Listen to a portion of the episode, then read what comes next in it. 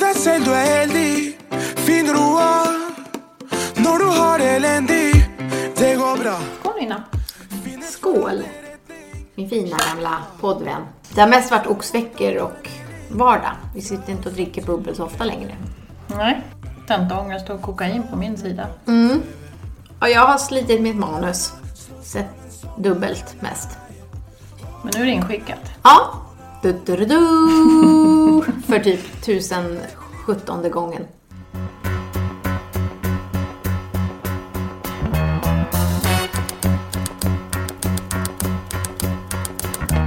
Det är jag som är Nina De är. Och det är jag som är Johanna de Valiant.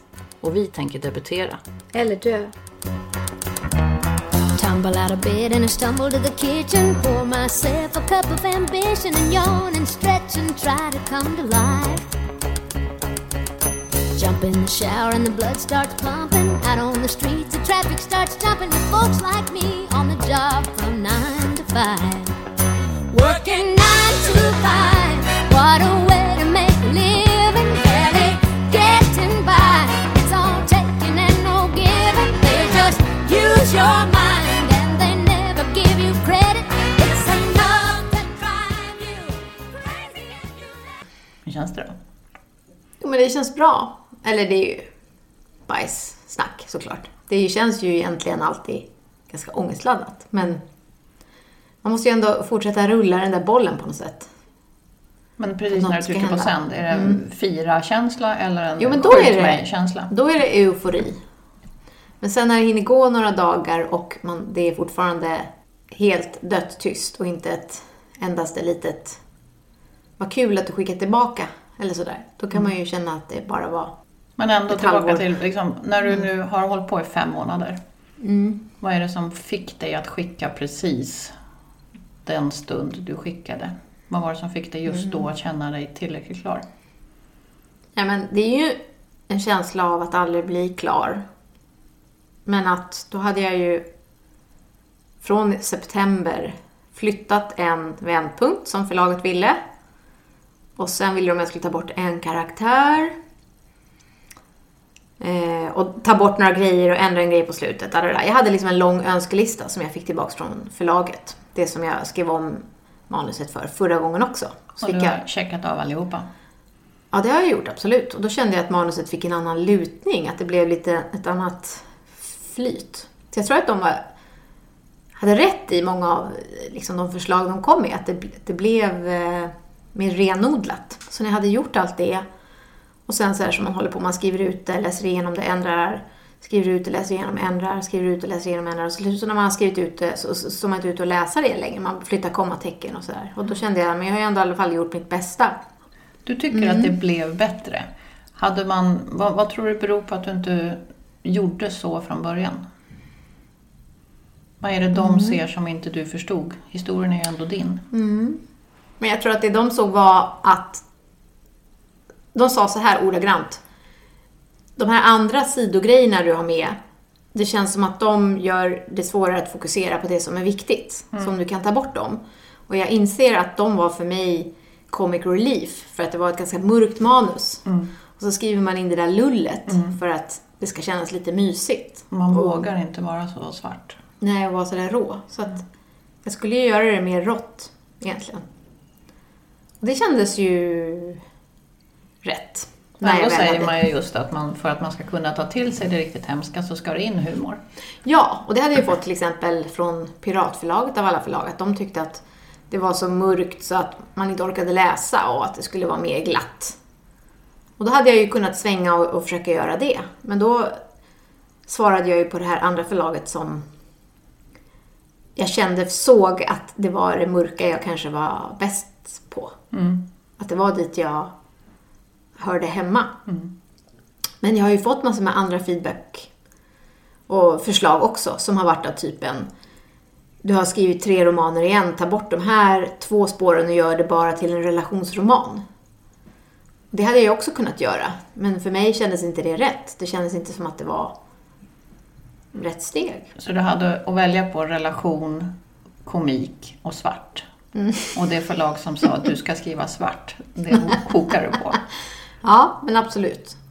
Och Nu kanske jag har varit rätt flamsig under de här åren vi har gjort den här podden, men om det är folk som känner mig från Nej, men Sen jag länge vet att jag- hajat att du är lite att jag är svart. mörk. Ja. Jag är inte så mycket feelgood kanske. Åh, vad gulligt. Ja, nej, jag Ja. tror det står rätt klart. Ja, så att eh, det är ju alltid en chansning när man ska ta de där råden och springa med bollen. För det är ju ändå inte bara dutta lite, flytta lite, la la la, utan nu har jag jobbat i princip fem månader heltid. Det är ju egentligen helt bananas. Men får jag ett ja eller någon slags att de slänger ut en krok igen, så kommer det vara värt det.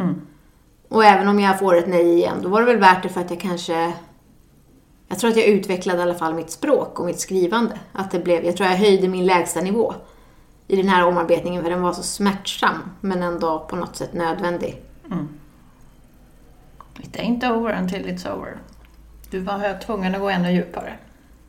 Ja, men lite. Vi var ju och träffade Backman och han sa Du måste hitta en brygga. Du måste hitta liksom en liten bro. Från verkligheten till den där känslan. Den där upphöjda fantasin. Som fuckar upp dig så mycket så att du känner riktiga känslor för någonting som är på låtsas. Du måste hitta den bron. Jag skriver det, fucka upp dig. Ja. Och sen måste du liksom, och sen måste du varje dag låsa in dig själv i ditt eget huvud och börja gå över den där bron. Det tror jag väl ändå jag köper. Jag tror att jag ibland också lägger mig ganska lätt, eller vad man ska säga. För det är, det är svårt att gå till det som bränns. Vi pratar ju ofta om skillnaden mellan dig och mig. Hur vi kom in i det här poddandet och var, var du stod då och var jag stod. Och hur det har utkristalliserats att jag har så mycket mer strängar på min lyra som jag tycker ger mig värde. Och att mitt, ja det här låter ju hemskt att säga, men att mitt liv är så pass lyckligt att jag inte tycker det är värt att grotta ner mig tillräckligt hårt. Och den ansats man måste göra för att lyckas orkar inte jag gå igenom. Jag är liksom glad. Jag är ju inte glad. så jag kanske behöver måste gå liksom... över den här bron för att orka med din vardag. Och jag Ja. behöver ingen jävla bro. Jag tänker så mycket på när vi satt... När vi började podda. Nej, vi måste skåla. Ja. Tänk på det är knepigt. I det första avsnittet då satt jag och sa att jag var författare. Och du sa, det är modigt. Och jag tittade på det ungefär som så här, vad menar hon? För att jag tänkte, det kändes så självklart att det skulle gå. För att jag hade min cyklop på, mina pennor var vässade. Jag hade varit refuserad några gånger. Jag tänkte, det är klart det kommer gå. Liksom, nu jävlar. Det, det här är, mitt, det är det jag är bäst på och det är mitt kall. Och sen som alla som har lyssnat på podden vet så har jag väl blivit refuserad alltså 50 gånger till av olika förlag med olika projekt och försökt och försökt och skrivit om, försökt göra förlag till vilje som man ibland vet man knappt vad de menar men man försöker, man bara hamstrar efter ett halmstrå. Och det här manuset Du nu... kanske är uppe i 50. Ja men absolut. Ja. Och det är ju inget konstigt. Alltså jag vill inte få det att låta som att det är katastrof. För att det mest realistiska som händer om man skickar in ett manus till förlag, det är ju att man får alla nej tack. Och där kan jag nästan känna mig skyldig ibland, att det känns som i den här podden att vi kanske har fått det att låta som att det är mycket lättare än vad det är. En promille är ju jätte, jättelite. Alltså Och det är som... När vi pratade med Enberg Agency och de sa Mm. att i Sverige så det finns ju inget land som är så produktiva skribenter. Vi alla vill bli författare så vi skriver Mm. och skriver och skriver. Det gör ju förstås att det är otroliga mängder med människor som får nej. Mm. Men att de vaskar fram fler guldkorn eftersom det är många som försöker som i andra länder inte ens de skulle ha gett sig på det. För det är inte lika Mm. trendigt. Det är inte lika aktuellt att försöka förverkliga sig själv genom text. Så känns det också som att vi gottar oss i de här historierna när det går bra. Jag minns jag läste om Jenny Ronneby, som vi har träffat i podden, som skrev om Leona. Hon skickade den till åtta förlag. Och inom en vecka hade sju svarat och tackat ja. Niklas Livi som vi också träffade, han fick ett ja i princip efter två timmar. Innan han hann fram till sin mamma Ja. med champagneflaskan. Det är lätt att tro att det här är vardag. Eller att det är rimligt. Men med facit i hand så är det ju egentligen nästan helt orimligt. Alltså det är nästan helt omöjligt ju. Att väcka ett förlagsintresse. Fast Ja. Nina. Jag tror fortfarande på dig. Det finns tre aspekter som gör att jag tror verkligen på dig. Det ena är att du försöker. Du försöker så enormt hårt. Det andra är att du är begåvad. För annars hade du inte fått så här många positiva refu- refuser. Och det tredje är att du är faktiskt med i podden Debutera eller dö. Och de som är med i den här podden går ju asbra för. Faktiskt. För att de har varit hos oss och rullat sig i guldstoft.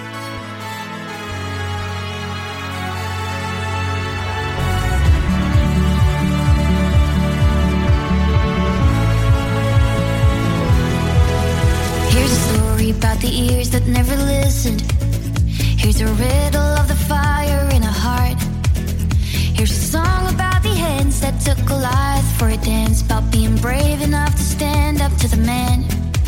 About when you're feeling way too small to make a difference.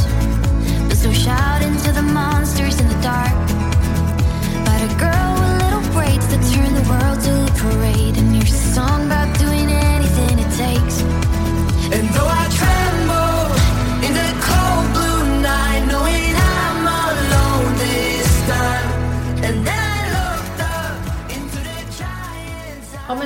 inte kan skriva, då kan man ju läsa.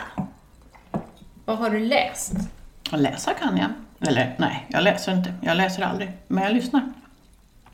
Och då tänker jag på vad gillar folk att läsa? Då vinner Camilla Läckberg alla priser man kan med sin En bur av guld. Har hon vunnit pris? Eh, ja, läsarnas favorit någonting. Den försökte jag lyssna på. Det gick ungefär 10 sekunder. Jag orkade i 20 minuter. Mm, Alltså det, det är max. Jag tycker jag var duktig som stod ut i 20 minuter. Men jag säger inte att det är dåligt. Jag säger bara att jag inte delar andras uppfattning om vad jag vill läsa. Jag, har inte, jag kommer inte ihåg när jag läste någonting som jag verkligen blir gripen av som är skönlitterärt. Jag älskar de här halvfiction dokumentärskildringarna. Som Klubben. Mm. Ja, du är mer fackbok eller eh, journalistisk. Ja, jag orkar inte sitta och läsa en bok om statistik. Men när det är skönlitterär facklitteratur. Just nu så håller jag på och läser Allt jag egentligen vill lära mig. Heter det? Ja, för att den såg ju jag att Matilda Gustafsson, som jag går på samma Friskis och Svettis som, läste. Går du tillsammans med Matilda Gustafsson? Ja, det är jättepampigt. När vi har här cirkelfys och så tar jag, ska jag gå efter henne och ta samma vikter som henne så känner jag I got the power. Då såg jag att hon lyssnade på den på Storytel när hon skulle cykla därifrån och då tänkte jag att den måste jag lyssna på nu. Ja, sånt fascinerar mig jättemycket. Gäller även med filmer om man går på bio. Jag var och tittade på min pappa Marianne häromdagen. Jättegullig. Men bara för att den också är verklighetsanknuten så blir jag så har den ett djup och inte bara blir så här ytligt gullig. Parasit som var en bästa Ja. film var ju också helt fantastisk. Ja. Den gick jag själv och såg efter Oj, var jobbet du en lite psykad då efter? Den, lite, den blir ju liksom lite mer splatter ju längre man kommer. Ja, jag, jag tyckte det var kul. Jag hade ingen aning om att den var så hyllad. Utan jag ville bara gå på en bio och gick själv. Och den började om fem minuter. Jag tar något koreanskt. Precis. Vad tänker du om klubben då? Nej men, eh, liksom, det är ju sån här smask man läser som en gott och blandat påse på några, någon, några timmar. Eller liksom någon dag vid en pool på någon eh, semester. Men sen efter det så läste jag K, alltså Katarina Frostensons roman. Och den tyckte jag jättemycket om. Absolut tänker man hela tiden så här, what the fuck, varför bemöter hon inte de här anklagelserna mot sin man? För hon skriver fram en kärlekshistoria och att han är utstött och att det är en massa konspirationer. Men hon skriver så bra så att liksom, jag köper att bara följa med i hennes huvud. Det måste väl vara det som är intressant. Att man, hade hon blivit sentimental så hade det ju fallit direkt. Ja. Äh, jädra bra. Eh, det var en sån där bok som liksom, vad ska man säga, när man känner att den lockar till vidare läsning. Ja, tack för tipset. Det ska jag verkligen gå på. Apropå det så Enberg Agency gav ju oss ett tips på den bästa whodunit historien, den här Joel, Joel Dicker. Fallet om Harry Kubert. Den, den beställde jag på bokbörsen. Den var ju typ så här tjock. Det var en sån här jättetegelsten. En pusseldeckare som en tegelsten. Ja.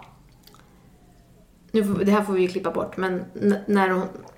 de sa att det här ändrar på allt. Och den här magikern som hade skrivit att han hade läst den och sagt att det här ändrar på allt. Och så börjar jag på den och det är så här, åh. Hur ska jag orka 800 sidor? Du vet, även om det kanske blir en jättehärlig whodunit. Jag, jag orkar inte bry mig längre om en kropp som hittas på en liksom stenstrand i Maine. Jag vet inte om vi ska klippa bort det här också då, men de rekommenderade ju den här magikern som tappar magin. Ja. Läste Hur gick det den? med den? Den har jag ju, jag, jag började på den och sen så... Ja, men alltså jag kämpar mig igenom. Och om man jämför med Backmans eh, Mormor hälsar sig, förlåt. Där jag var fullständigt trollbunden trots att det var hittepåfigurer. Så var den här boken alltså, platt fall här, för det, det gick bara inte. Det var kul ett kapitel. Men gud, hur, hur hänger det här ihop? För det är också någonting med att det känns som att man läser mer och mer vad man tänker att beslutsfattare gillar. Eller för att försöka förstå vad är bra och vad är dåligt för att man är på utsidan. Och så om man inte tycker samma sak så blir det ju ett slags mindfuck. Men hur ska man då någonsin ha en chans? Ja, men då, Om de då det. måste jag ju skriva en eh, reality-bok, en fack, Mm. skönlitterär fackbok. För när vi pratade om eh, Beata Usman, Mm. då var vi helt överens. Och ålarna var vi helt överens. Mm. Medan den här magikern och din pusseldeckare helt kraschlandar. Och då har vi i alla fall en gemensam nämnare på en, i en genre. Då fattar jag vad det är som är bra i den genren. Men jag fattar inte en bur av guld och trollkonstnärer som tappar trolleriförmågan. Jag tycker inte som andra. Då ska inte jag vara där och rota. Ja. Men jag är förvirrad. Jag trodde ändå att det fanns liksom ett läsande Sverige som inte läste En bur av guld. Det är ju den stora massan som köper feelgood och... Vad som provocerar mig, är det det här människor vill ha samma grej gång på gång som bara ligger och flyter på ytan, liksom skvalpar? Det är en jättestor mängd med människor som älskar att läsa lättsmält litteratur som är en flykt. Och vi pratar om den här bron som du vill hitta i ditt skrivande men som man kan hitta också i sitt läsande. Att man bara flyr till en annan värld. Och de köper jättemycket böcker. Och de kommer inte köpa om den här boken kommer ut som jag har skrivit. Den är mer såhär, du blir våldtagen med en lyktstolpe i en mörk gränd. Det är ju skitomysigt. Nu kanske det här bara låter bittert, men det här att alla ska mysa i hängmattan, är inte det ett... Det är inte där jag vill att litteraturen ska vara.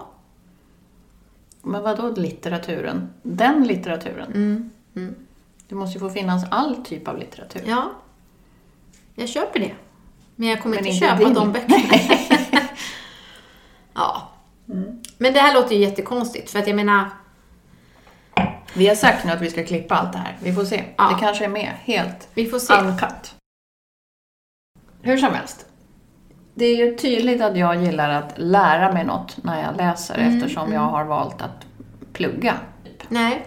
Men om man ska säga någonting om vår lilla fina podd, så har man ju faktiskt lärt sig väldigt mycket. Verkligen. Man kanske inte fattar det exakt där och då, men det är som att det är en långsamt intag när man smälter många av de här kloka sakerna som folk har sagt till oss. Ja, men det är inte klokt. Vi har ju klippt avsnitten. Du och jag har ju helversionen av så många helt fantastiska intervjuer. Med, även om inte vi alla gånger har gillat genren eller boken, så har ju alla författare varit så generösa och så himla intressanta. Ja, Det har varit så genomgående astrevligt. Generöst. Vi tänkte kanske att det skulle gå fortare att debutera. Max tio avsnitt, Ja. det sa jag en gång. Åh, gud. Nu är vi på 39. Mm, och vi vill egentligen kanske, vi vet inte hur många vi orkar göra. 40 känns... Ja, Nina, nu får du fan skärpa dig. För att det är dig det hänger på. Mm. Ja. Och idag känner jag att vi gör ett avsnitt som är en bro över till the one and only Nina De Geers debutavsnitt. Ja, eller att tyvärr så fick podden dö för att det gick inte. Och att det inte var hållbart längre. Nu får några andra som vet vad de pratar om ta över, helt enkelt. Ja, rent krasst. Skål på den. Skål, do or die. Do or die. Men eh, vi kör lite med Backman. Vi har ju ändå lite... Vi poddade ju med den karln i tre timmar. Han var ju en skattkista av... En ordbajsande skattkista. Med tanke på hur lite intervjuer han gör, så när han väl gör dem så går han all in. Så kan ju vi säga av erfarenhet. Eh, och han var ju bjussig de max. Så att jag tycker vi lägger in ytterligare lite Backman-visdom. För att det är ingenting som bara du och jag behöver hålla på. Nej men verkligen inte. Vi delar med oss Ja. lite till.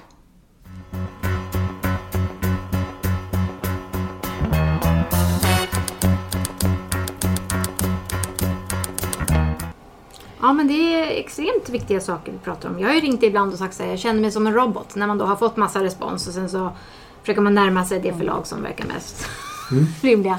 Men det blir aldrig bra. Gång på gång har jag gått på sådana nitar. Och Liksom. robot, hora är väl mer det uttryck vi brukar ha. Robothoror kanske. ja. Men så är det ju. Och s- så, du, vet, och du måste bryta dig loss från det på något sätt. Du måste hitta sätt att bryta dig loss från det. Du På, måste på hitta... med kyskhetsbältet. Ja, du måste hitta... Hur kan jag knäcka mig ska jag skriva här. Ja, men du måste Dagens. hitta teknik... Alltså du måste hitta sätt att... Du måste hitta sätt att ta sönder dig själv. Så är det. Eh, det... Mm, eh, och det lättaste sättet att... att eh, eller lättaste sättet.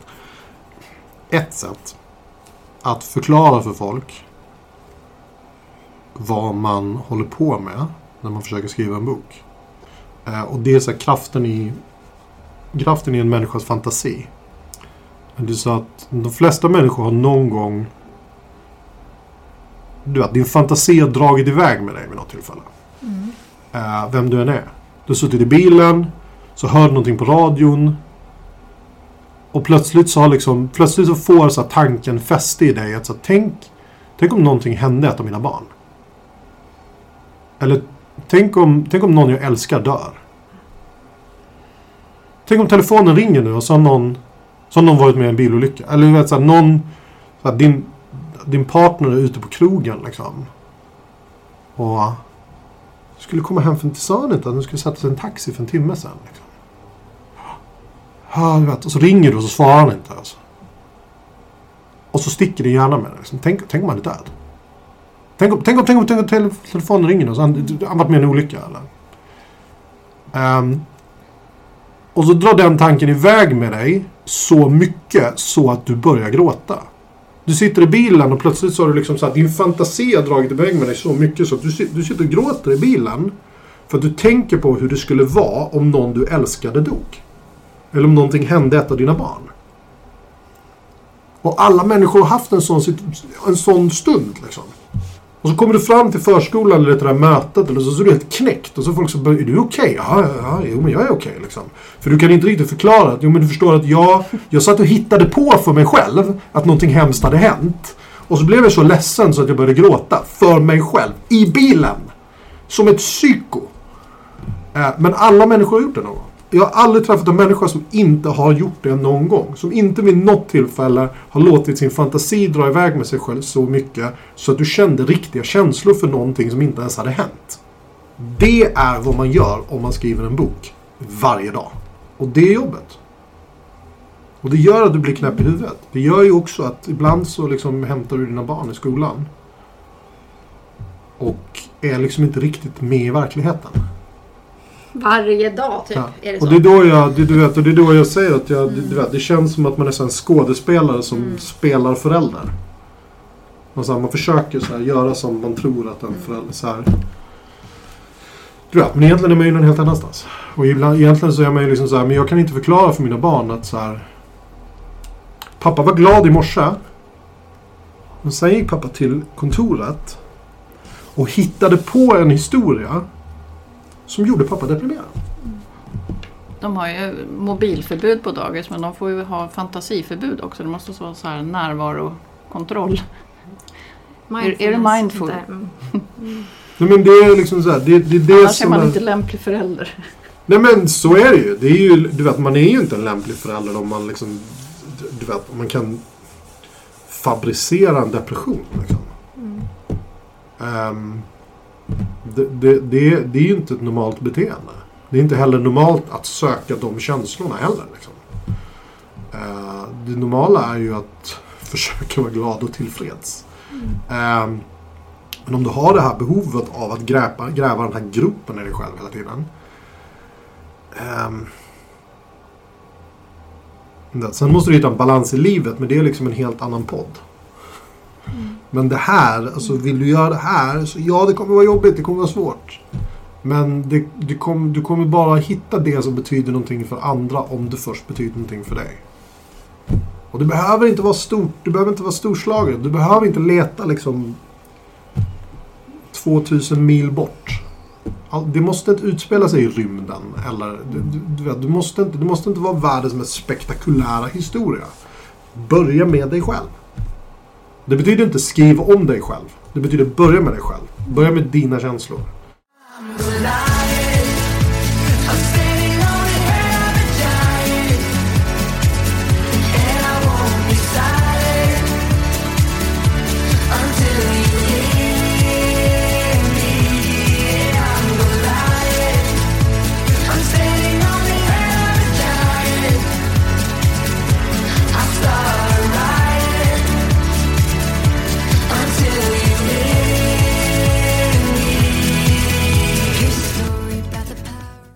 Alla måste försörja sig. Eh, Men jag skulle inte rekommendera någon att ge sig på att bli författare som affärsidé. För det är en sjukt dålig affärsidé. Då blir man väl hellre hedgefund. Ja men för att, det är väldigt, det är väl, ja, men för att oddsen är för dåliga. Liksom. Det är som att säga att min affärsidé är att vinna på Lotto. Och det här är så här, folks känslor är oförutsägbara. Det är helt omöjligt att veta vad som funkar och inte. Eh, det finns jätteframgångsrika grejer som jag inte överhuvudtaget förstår. Det finns saker som folk älskar som jag säger, fattar ingenting av det här. Mina barn lyssnar på musik som jag säger, jag fattar inte vad det här är. Men tydligen så älskar alla barn det här. Helt obegripligt. Men om det är pengarna det handlar om, det är affärsidén, så skulle jag inte rekommendera någon att bli författare. Om det finns andra värden i det för dig så tror jag inte att de värdena blir så oändligt mycket större efter att du blivit publicerad. Om jag ska vara ärlig. Ruset blir inte så mycket större. Nej, men jag tänker väl att jag nu söker en slags stämpel eller en acceptans att det är okej Nina. Mm. Du får vara en sån här konstig människa. För att det blir ju böcker. Mm. Men att om man bara är en konstig människa som drar ner sin familj i skiten Ja. och är bara en deadweight som kostar. Absolut. Det är någonstans där. Absolut. Men då är det ju som min kompis som står och skulpterar i sin ateljé. Hon behöver det. Hon behöver det. Det där är någonting som hon behöver göra. Inte för att bli rik och inte för att eh, det ska leda någonstans eller bli någonting. Utan för att hon behöver det. Alltså en del människor, fan, det, alltså, det är såhär, jag... Du kanske lägger tid och energi på det här, men fan folk spelar golf. Hur lång tid det tar att spela golf och det är socialt accepterat. Så att, vi åker ut och så här, borta sex timmar varje söndag. Det, är socialt accepterat. Så här, och det, så här, ja, det tar massa tid. Jag vet inte hur mycket tid... Fattar du hur mycket folk tittar på tv-serier? Fattar du hur mycket tv folk tittar på? Alltså det är, komp- det är kompisar till mig som är så här, hur, hur är det möjligt att du har tittat på alla de här tv-serierna? Ja, jag tyckte den här var bra. Jag tycker den tappar lite i säsong 6. Säsong 6! Vet du hur många timmar det är? Ja, jag tycker tappar... Men Sen såg vi ändå två säsonger till. Folk gör jättemycket skit som tar jättemycket tid. Men Game of Thrones såg det. Den såg jag också. Ja. Ja, men jag ser också jättemycket tv-serier. Alltså jag ser också svinmycket tv-serier. Men det är för att jag är intresserad av dramaturgi. Jag läser jättemycket böcker också. Det kan man väl också diskutera hur värdefullt det är. Om man nu ska vara sån. Mm. Eh, men jag spelar inte tv-spel. Det gjorde jag jättemycket innan. Men det är någonting som jag har valt bort. Skulle vilja spela golf. Spelade golf när jag var yngre. Tycker det är roligt att spela golf. Finns inte den tiden. Jag väljer bort alla hobbys som... Ja, men det här kommer ta för mycket tid. Jag kan inte göra det här hemifrån. Ehm, då, då struntar jag i det. Jag har kompisar som åker på så här fotbollsresor fyra gånger om året. Och det jag hade tyckt var jättekul, men jag har inte tid. Ehm, jag, prioriterar, jag prioriterar min familj och det här. That's it. Har inte speciellt mycket kompisar. Jag har inte skaffat några kompisar. Alltså, jag, mina bästa vänner är fortfarande de jag hade när jag var 14, 15. Eh, det är fortfarande mina bästa vänner och jag har skaffat en handfull kompisar sedan dess. De kompisarna jag har i Stockholm. Jag tror att jag har en kompis jag har hittat i Stockholm själv och det är Nicke. Men du vet, ta bort pengarna ur ekvationen. Liksom, och ta bort det här med att det skulle vara mindre värt för att du inte har blivit publicerad. Alltså, d- fan. Du vet, folk har skitkonstiga hobbys. Liksom. Du vet, och jag tror, inte den, jag tror att det är väldigt få människor som spelar golf som får lika mycket ut av sitt golfspelande som du får av det här. Jag ska fråga min man vad han säger om det.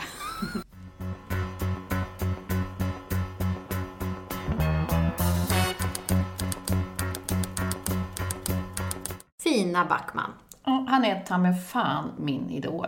Mm, det har han alltid varit. Ja. Det är inte ändå väldigt episkt att vi som hobbypottare fick podda med Fredrik Backman? Det kunde vi inte tro när vi satt på någon, skruva ihop en mick och kolla på någon YouTube-film om hur man poddar.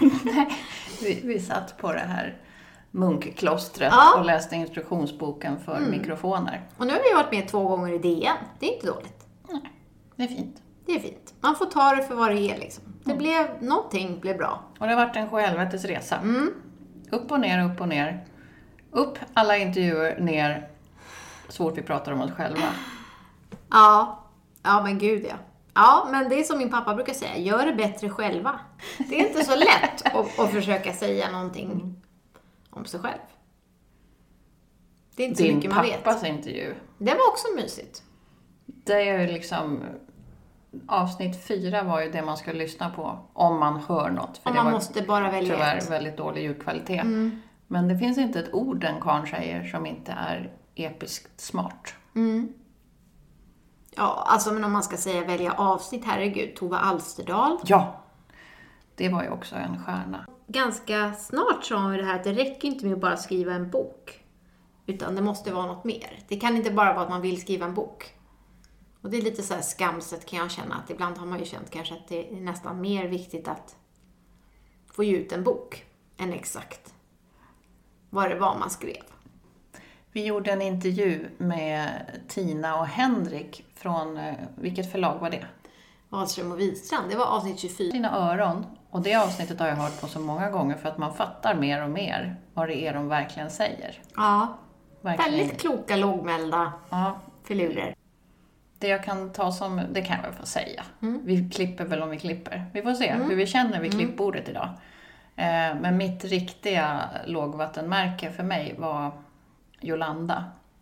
Mm, Jag bara avgudade henne som persona när hon gick in genom dörren för hon var så jävla cool. Mm. När, innan hon gick så låg jag under bordet och Mm. kräktes. Hon sa, vad kan du egentligen? Hon var ju lite feisty, helt enkelt. Ja. Det var inte min favoritstund. Nej, men vi har ju aldrig utgett oss för att vara journalister. Jag är faktiskt ganska mycket saker. Mm. Eh, Men jag är inte journalist. Nej. Det hade varit en annan podd om vi var journalister, tror jag. Det hade varit genomtänkt. Ja, nej, men det här har varit lite mer, det blev vad det blev. Ja, nu låter det väldigt dystert. Inte dystert. Det är väl mer en eh, sammanfattning. Och vi lovade eh, i vårt förra avsnitt att vi skulle återkomma när vi hittade på något kul. Mm. Har vi gjort det? Att vi sitter här bevisar bara att vi kommer inte på något kul. För det är sånt jäkla antiklimax nu. För dig, do or die. Det enda riktigt roliga jag kan komma på, det är att du debuterar. Men om, om jag får ett ja, kan vi göra någonting roligt då? Absolut! Alltså, snacka om fas 4. Alltså, yay. I'm on. Vi hade fas 1, då pratade vi om oss. Fas 2, vi pratade med massa debutanter. Fas 3, vi pratade med förlag. Fas 4, Nina kom igen! Få tummen ur. Det finns bara debutera eller dö nu. Vi får se om vi korkar upp champagnen eller häller upp gravölen. Ja, nej men stay tuned för det. Ha det så mysigt. Men du Nina, Ja. alltså ska vi inte göra slag i saken? Mm. Jag sitter här, jag kommer aldrig debutera själv. Jo, men det är inte sant. Ja, nej. Eh, kanske, jag kommer troligen inte debutera själv. Jag tror fortfarande på din idé om de där tre människorna i trappuppgången. Min vision är nu att jag vill skriva en fackbok. Mm. Kan vi inte göra den där coffee table-boken Debutera eller dö? Vi gör Debutera eller dö-boken. Här, jag dokumenterade ett ögonblick nu. Okej. Se, vi försöker inte se så fulla ut. Ja, men du, Ja. sluta. Jag är ju PR och du är klipp. Ja, Fast jag har varit en del klipp också. men idag Faktiskt har har vi lärt gjort ett avsnitt där Klipp har tagit helt semester. Vi gjorde avsnittet Uncut. Ja, uncut. Det är mars och hoppet lever. Hoppet lever och eh, wait and see. På Mm. årets bokmässa i Göteborg kanske det går runt två dårar med en eh, coffee table-bok som heter Debutera Mm. eller dö. Och t-shirtar. Och t-shirtar. Köp t-shirt för helvete. Fan, gör det bara. Gör! Ja. Och ni, skriv inte som om det gällde livet, utan have fun.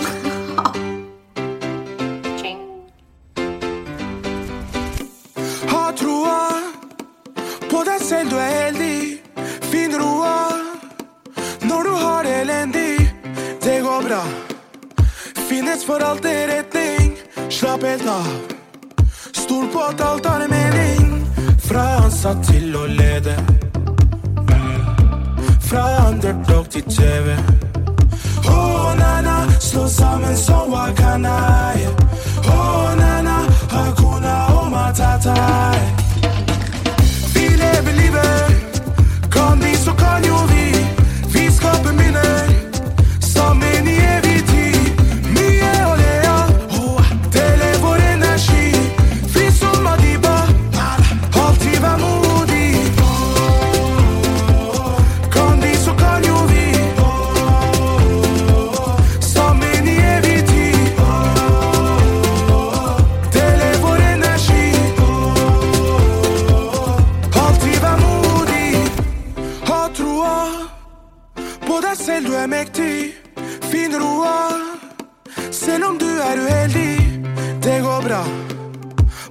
Finnes for alltid räddning, Slapp helt av. Ingenting var det för evigt Fra ansatt till och lede. Fra underdog till TV. Oh, nana, slå samman som wakana. yeah. Oh,